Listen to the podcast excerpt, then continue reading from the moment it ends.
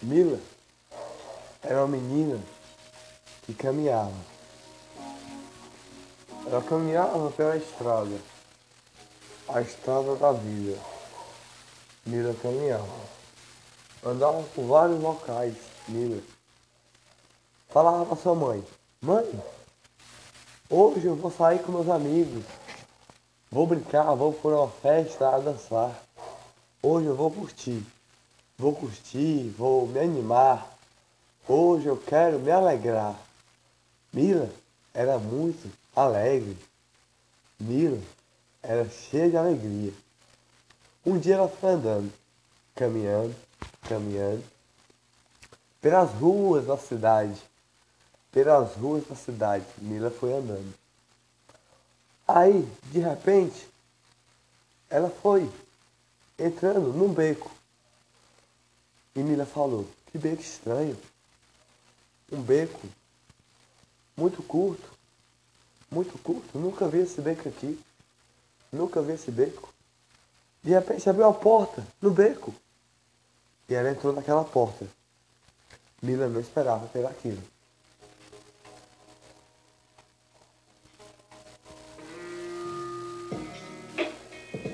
Quando ela entrou na porta,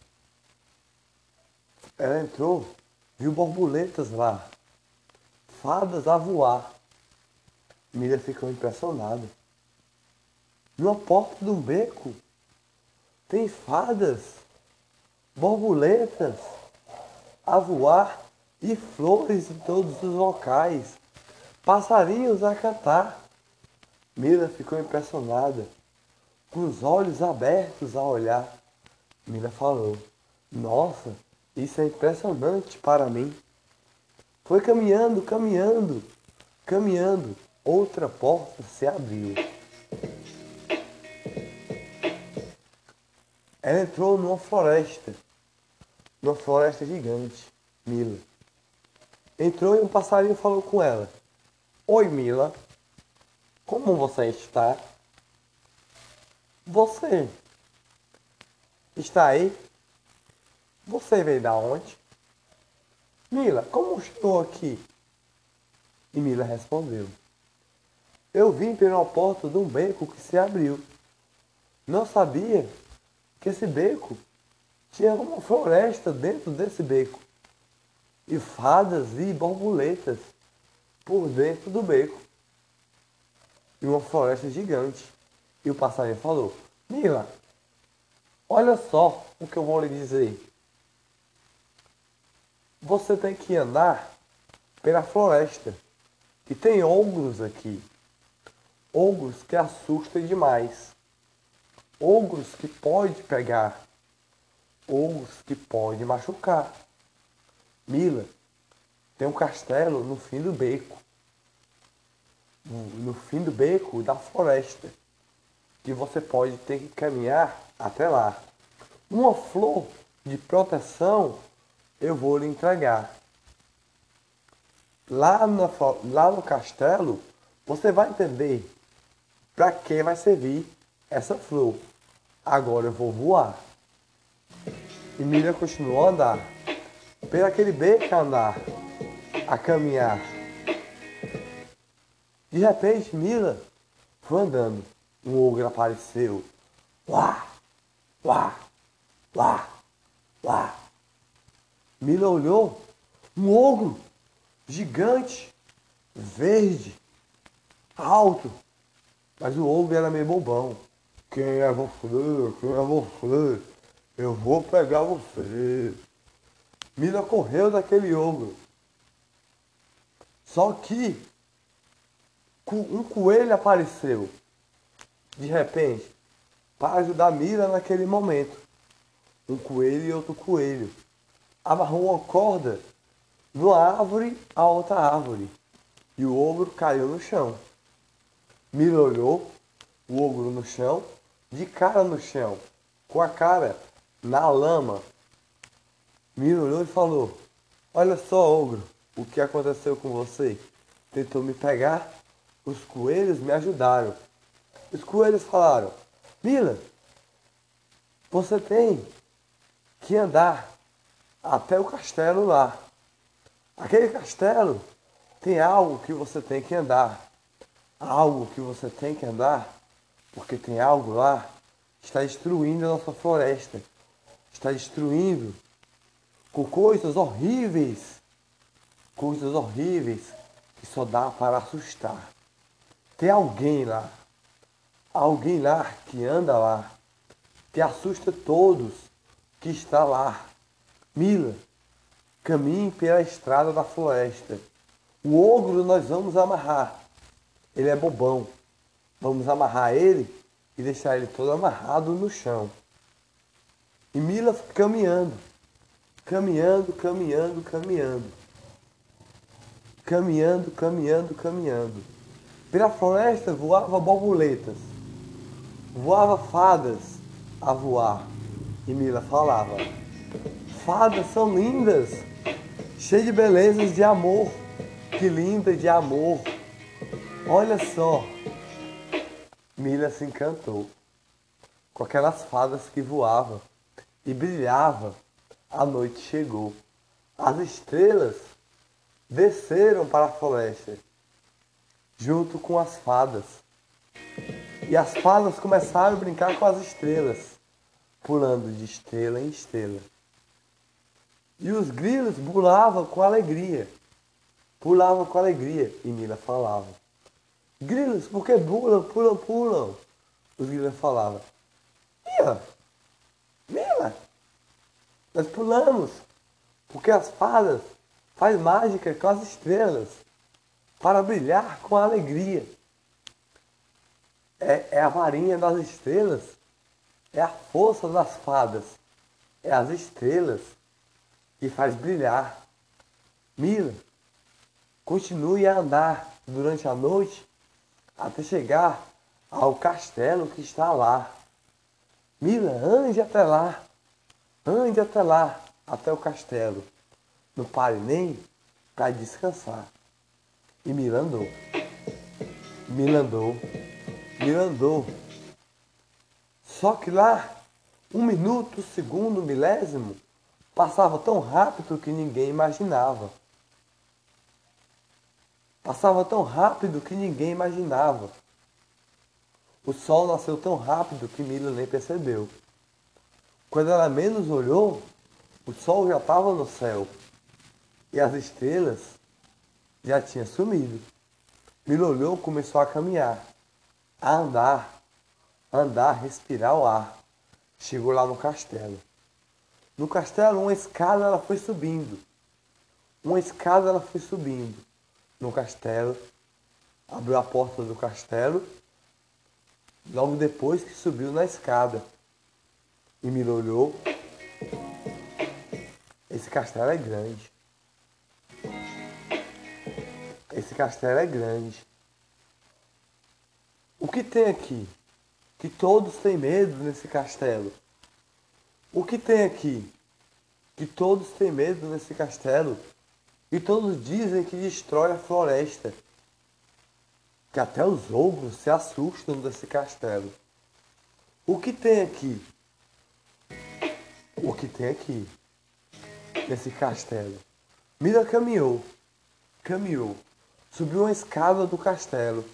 A caminhar. Uma escada quebrada que estava lá. Ela subiu a caminhar. Foi subindo devagar e com a flor na mão. De repente, passou uma vassoura ligeira a voar. E Milão, o que foi isso? E passou de volta a voar por cima dela. E Mila nem percebeu. O que foi isso? O que é isso que está acontecendo nesse castelo? Não estou a entender. De repente, por trás de Mila, apareceu uma bruxa assustadora que assustava toda a floresta. Que assustava toda a floresta e jogava coisas horríveis para pessoas se transformarem em ogros, fadas se transformarem em monstros. É isso que a bruxa fazia. Para assustar todos. grilos se transformavam em ogros. Era isso que a bruxa fazia. E a bruxa falou: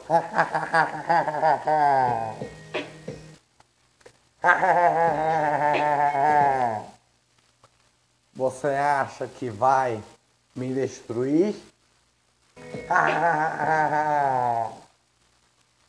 Você nem vai encostar em mim.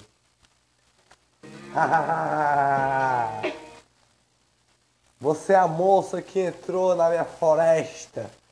Quem manda nessa floresta sou eu. Eu que mando aqui.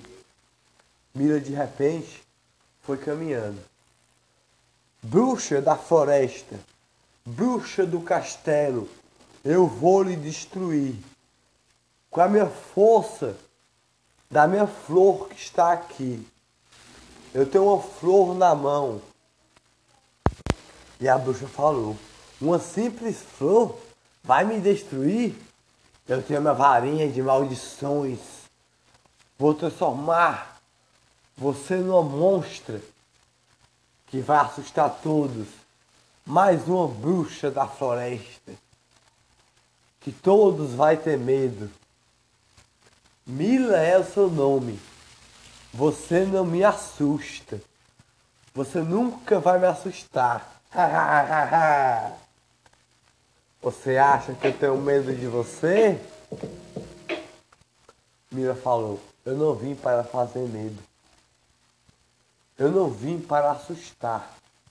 Eu vim para proteger. Eu vim para salvar. Eu vim para dar a mão e salvar todos que estão na floresta com medo assim de você. De repente uma fada passou a voar.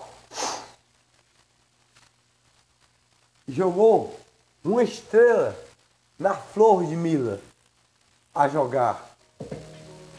Plim! Quando Mila esperou, a flor dela se transformou numa varinha. E Mila começou a lutar com aquela bruxa que estava lá.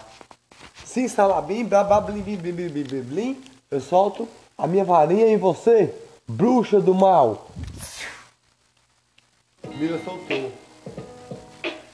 E a bruxa olhou, quando menos esperou, se defendeu com outro, outra feitiçaria que ela jogou. Uma feitiçaria que só a bruxa sabia jogar.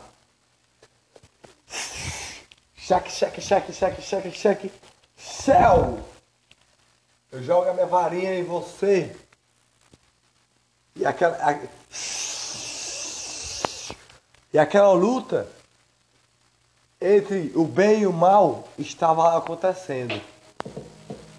Entre o bem e o mal estava acontecendo. Mila falou: Eu vou lhe destruir. E Mila estava perdendo. De varinha em varinha, o bem e o mal lutavam. De varinha em varinha, o bem e o mal lutavam. E Mila estava perdendo. Só que outro, outro, outra fada passou e jogou outra estrela a jogar no olho da bruxa que cegou a bruxa lá.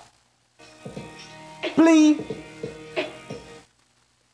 E a bruxa caiu no chão a cair. E Mila falou: Plim, plim, plim, plim, príncipe salabim, calabim. Eu solto minha, minha varinha em você para você cair aí. Mila soltou.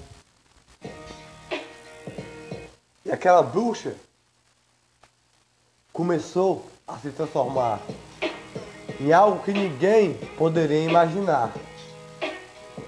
Mira falou: Não tenho medo de você, do que você pode assustar todos assim. Você vai se transformar em algo que ninguém nunca vai imaginar. Eu não sou mal, eu sou do bem. Eu sou do bem, sou para proteger todos que estão aqui e a bruxa começou a evaporar. A bruxa começou a evaporar, evaporar, virar cinzas. A bruxa começou a evaporar, evaporar, virar cinzas. Das cinzas, uma ventania passou e levou a bruxa para longe de lá. E as fadas que viviam na floresta chamaram as estrelas lá. Todas as estrelas. Para os ogros se transformarem em príncipes mais uma vez. Em grilos mais uma vez. Grilos se cantavam à noite. Em passarinhos mais uma vez. Mira falou: Consegui vencer a bruxa dessa, dessa, dessa floresta que está aqui. Essa floresta que fez muitos chorarem assim, essa bruxa.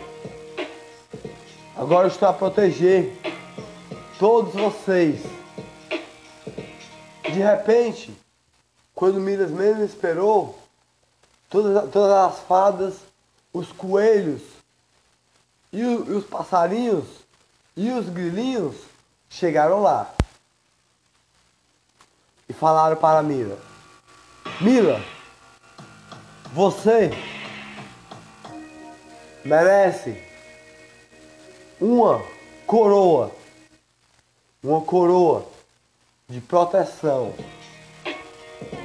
para ser a nossa rainha daqui. A coroa foi colocada na cabeça de Mila no castelo foi reconstruído pelas fadas. E Mila virou a rainha das fadas de proteção a proteger todos que estavam lá.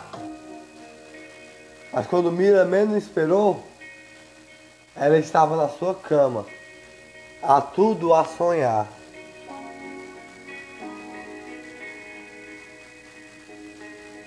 E acordou.